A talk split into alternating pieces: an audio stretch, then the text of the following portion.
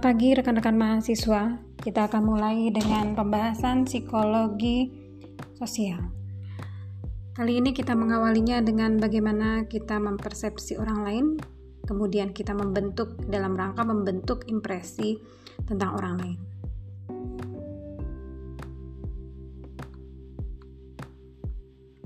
Apa informasi yang kita perlukan? Yang pertama adalah role atau peran. Jadi, saat individu berusaha untuk uh, memberi kita ide-ide seperti apa dirinya, kita akan mendengarkan namanya, kemudian menggambarkan seperti apa orang tersebut. Sehingga ketika dua orang bertemu, kita akan melihat bahwa salah satu atau mereka saling memberikan impresi satu sama lain. Hal-hal uh, informasi yang biasanya kita pergunakan. Yang pertama adalah roles atau peran. Peran ini ketika kita uh, mengorganisasikan, kita berusaha mengorganisasikan informasi tentang seorang, kemudian kita memperoleh peran-peran yang penting untuknya.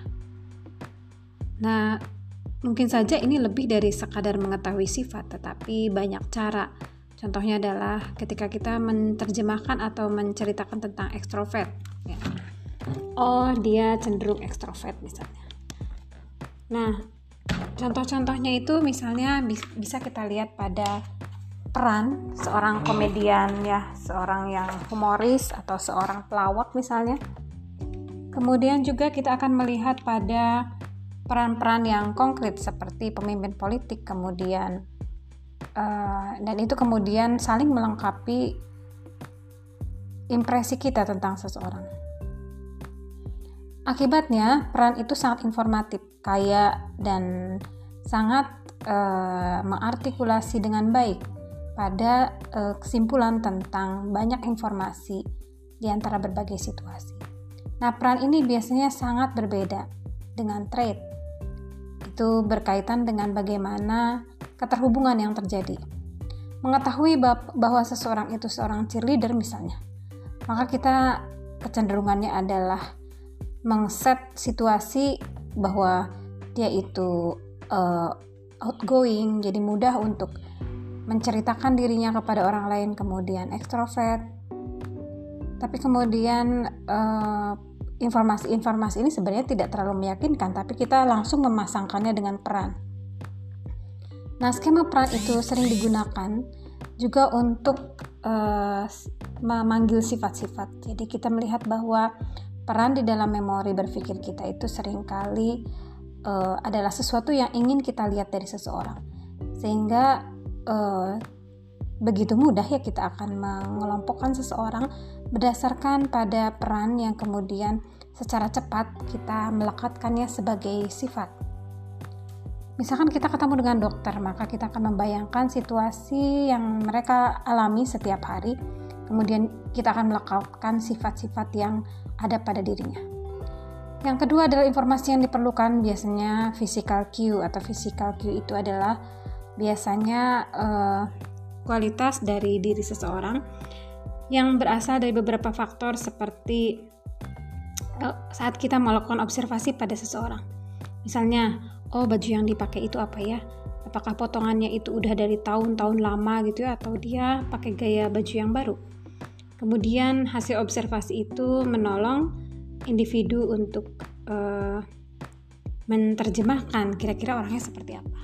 Anda bayangkan kalau anak-anak uh, ya uh, individu muda mempergunakan gaun keibuan misalnya kita akan mengelompokkan seperti apa ternyata misalkan model sepatunya model sepatu zaman tahun lama sekali kita akan mengelompokkan mungkin anak ini cenderung konservatif misalnya kemudian yang ketiga uh, perhatian tentang aspek-aspek uh, perseptual yang kemudian menjadi background ya atau uh, latar belakang dari impresi kita tentang seorang. Misalnya saja kita melihat seorang mahasiswa ternyata duduk di kursi malas gitu ya padahal hari pertama kelas. Sehingga impresinya atau uh, kesannya bahwa dia cenderung dipengaruhi oleh ketidakmampuan fisik ya. Kemudian minimal malas gitu ya. Kemudian yang lain adalah objek-objek ya atau kondisi-kondisi yang menjadi tanda misalnya dia cenderung uh, cemerlang gitu ya. Kemudian pergerakannya cepat powerful ini juga dikaitkan dengan prinsip-prinsip gestal atau prinsip-prinsip yang menggambarkan bahwa kita kalau menangkap sesuatu itu harus secara keseluruhan sehingga uh, figur-figur ground atau yang ada di latar belakang subjek dijelaskan juga. Kemudian central trait. Central trait adalah uh, trait itu sendiri adalah berhubungan dengan beberapa karakteristik individu. Sedangkan central trait ini kecenderungan dari eh, sifat-sifat uh, yang memusat atau sifat-sifat dasar. Misalnya di sini warm, cold, apa hangat atau dingin.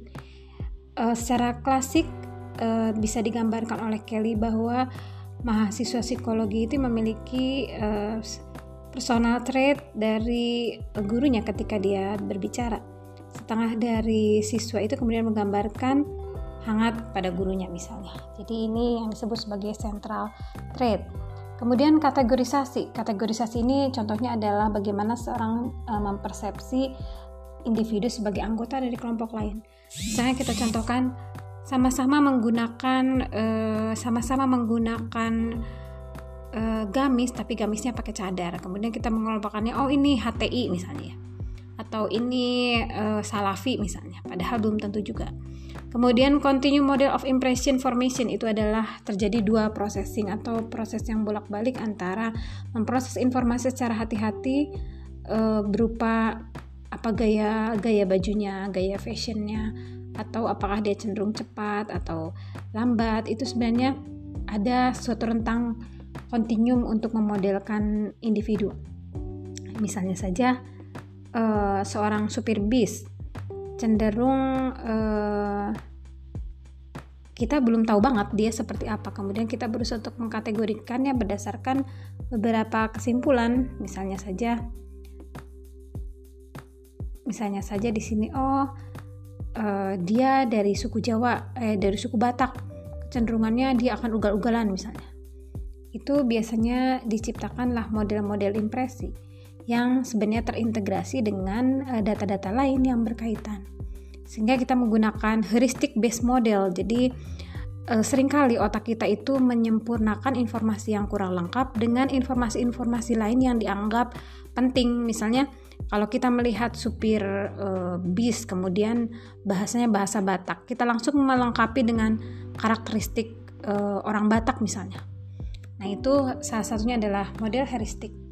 Kemudian konteks efek. Konteks efek ini berkaitan dengan penilaian sosial yang sangat erat ber, ber, bergantung pada konteks di mana terjadi, di mana terjadinya. Misalnya saja foto, foto itu kemudian di uh, diproses, dilakukan dengan uh, muka yang atraktif gitu ya, muka yang menarik, kemudian kurang atraktif juga. Kemudian dilakukanlah asimilasi. Jadi di sini kontra, konteks efek itu contohnya adalah kontras dan asimilasi. Kecenderungan untuk mempersepsi komunika, posisi komunikasi itu sejauh ini merupakan hasil dari posisi seseorang. Kemudian asimilasi cenderung mempersepsi komunika, posisi komunikasi sebagai dekat dengan uh, posisi orang yang ada pada saat itu. Sehingga sebenarnya antara kontras dan asimilasi ini saling berhubungan dalam melakukan penilaian. Kontras menggambarkan efek bias dari penilaian, jauh dari lingkungan konteks lingkungan contohnya. Jika foto itu, foto mukanya itu cenderung kurang atraktif, kemudian di, diproses sebagai sangat atraktif. Jadi sebenarnya eh, konteks efek itu, eh, kontras itu menggambarkan hal yang bertentangan ya, hanya untuk memperlihatkan efeknya. Kemudian asimilasi. Asimilasi menggambarkan bias penilaian yang berkaitan dengan standar konteks misalnya. Karena stimul uh, adanya kehadiran yang simultan dari orang yang atraktif dan kurangnya orang yang cenderung kurang atraktif, atraktif maka dikategorikan kebanyakannya adalah kurang atraktif itu kadang-kadang juga efek dari asimilasi jadi kalau kontras itu uh, dia terlihat uh, memperlihatkan posisi yang berlawanan dengan konteks yang ada, sedangkan asimilasi itu kadang-kadang yang jelek sedikit jadi seperti akibat nilai setitik rusak susu sebelanga gitu ya ada yang kurang aktif sedikit dimaknakan semuanya tidak aktif. Ini adalah dua hal yang sering dikategorikan sebagai bias. Jadi kalau kita lihat impresi ini cenderung lebih banyak menghasilkan bias gitu ya. Nah, uh, bagaimana menyatukan impresi ya? Bagaimana kita mengkombinasikan uh, impresi dari beberapa jenis impresi tadi. Yang pertama adalah evaluasi. Jadi evaluasi itu baik dan buruk orang lain uh, berdasarkan dengan objek atau konsepnya. Misalnya semakin penting dan powerful aspek impresi itu kita melihat bahwa kalau semakin formal maka dievaluasi uh, semakin penting dimensi itu. Ya. Jadi semakin formal dianggap semakin penting. Kemudian negatif efek, negatif efek itu biasanya uh, impresi yang dipengaruhi oleh semakin negatif sifat yang daripada uh, sifat yang positif. Jadi sering kali kita lebih mudah mengevaluasi sifat-sifat positif daripada sifat negatif. Kemudian uh, kita juga kecenderungannya adalah mengevaluasi seseorang berdasarkan baik dan buruk ya, berdasarkan standar-standar yang formal.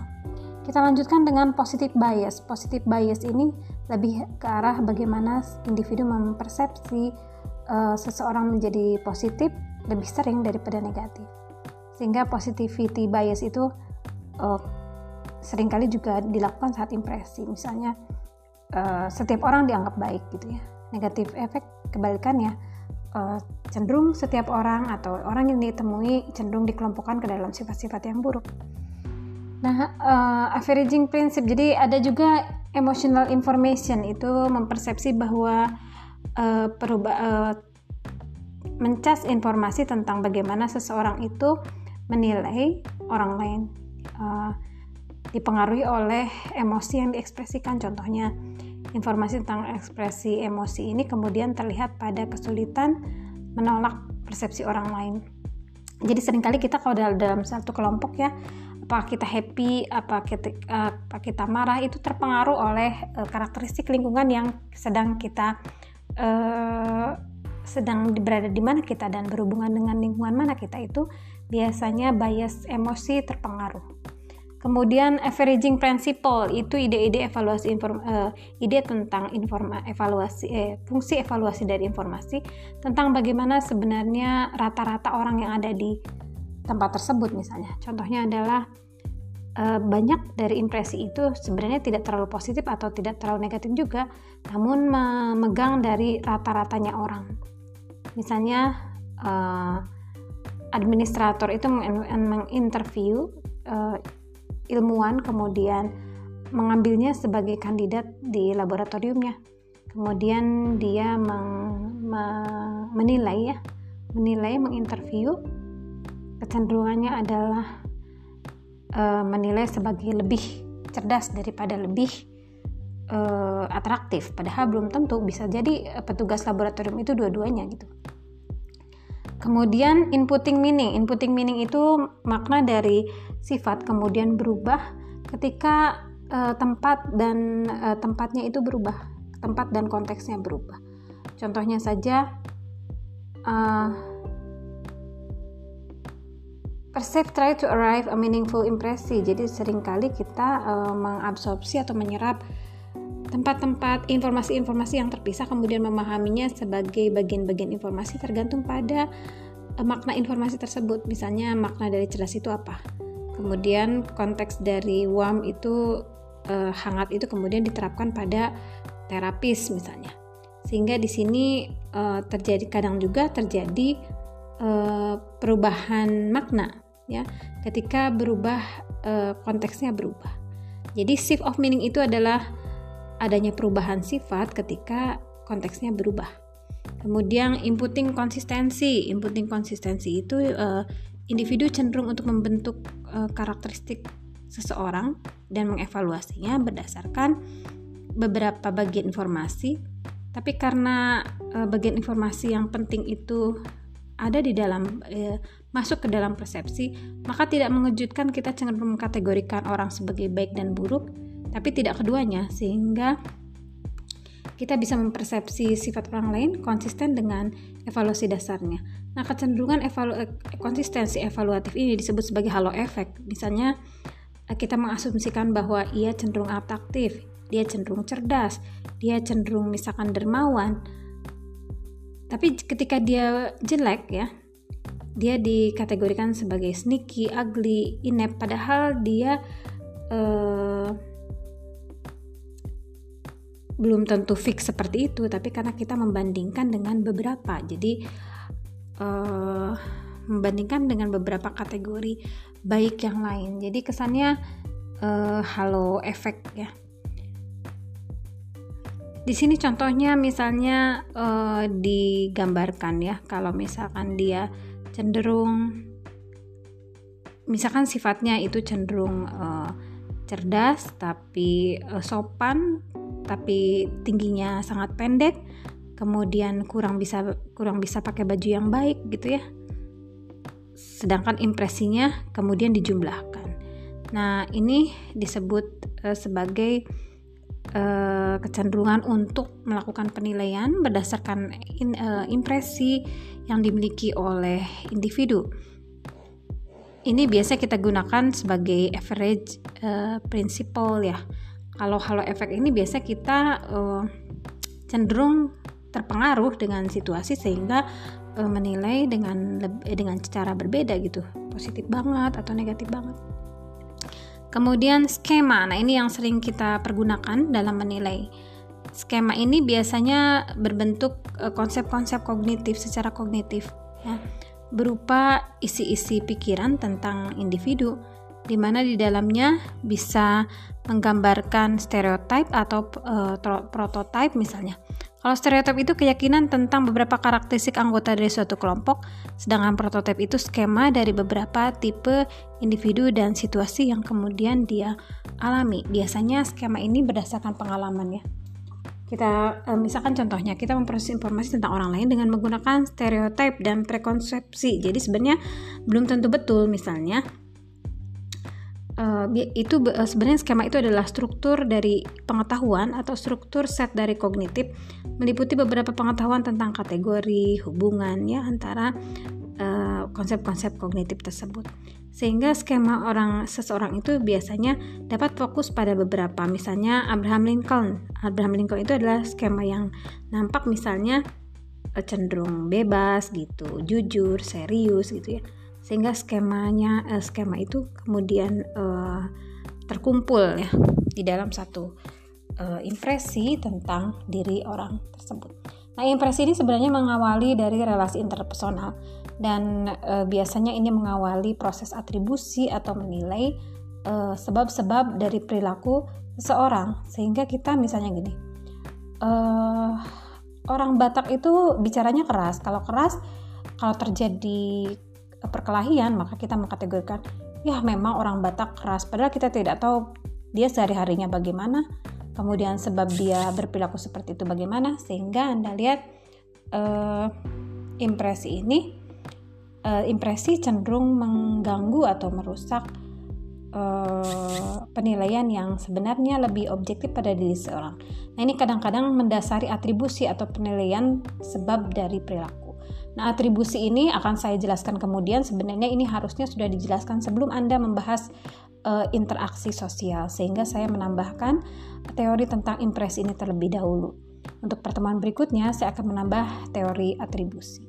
Terima kasih atas perhatiannya. Mohon maaf bila ada kata-kata yang kurang berkenan. Saya tutup dengan membaca Subhanakallahumma bihamdika asyhadu alla ilaha illa anta astaghfiruka wa atubu ilaik. Assalamualaikum warahmatullahi wabarakatuh.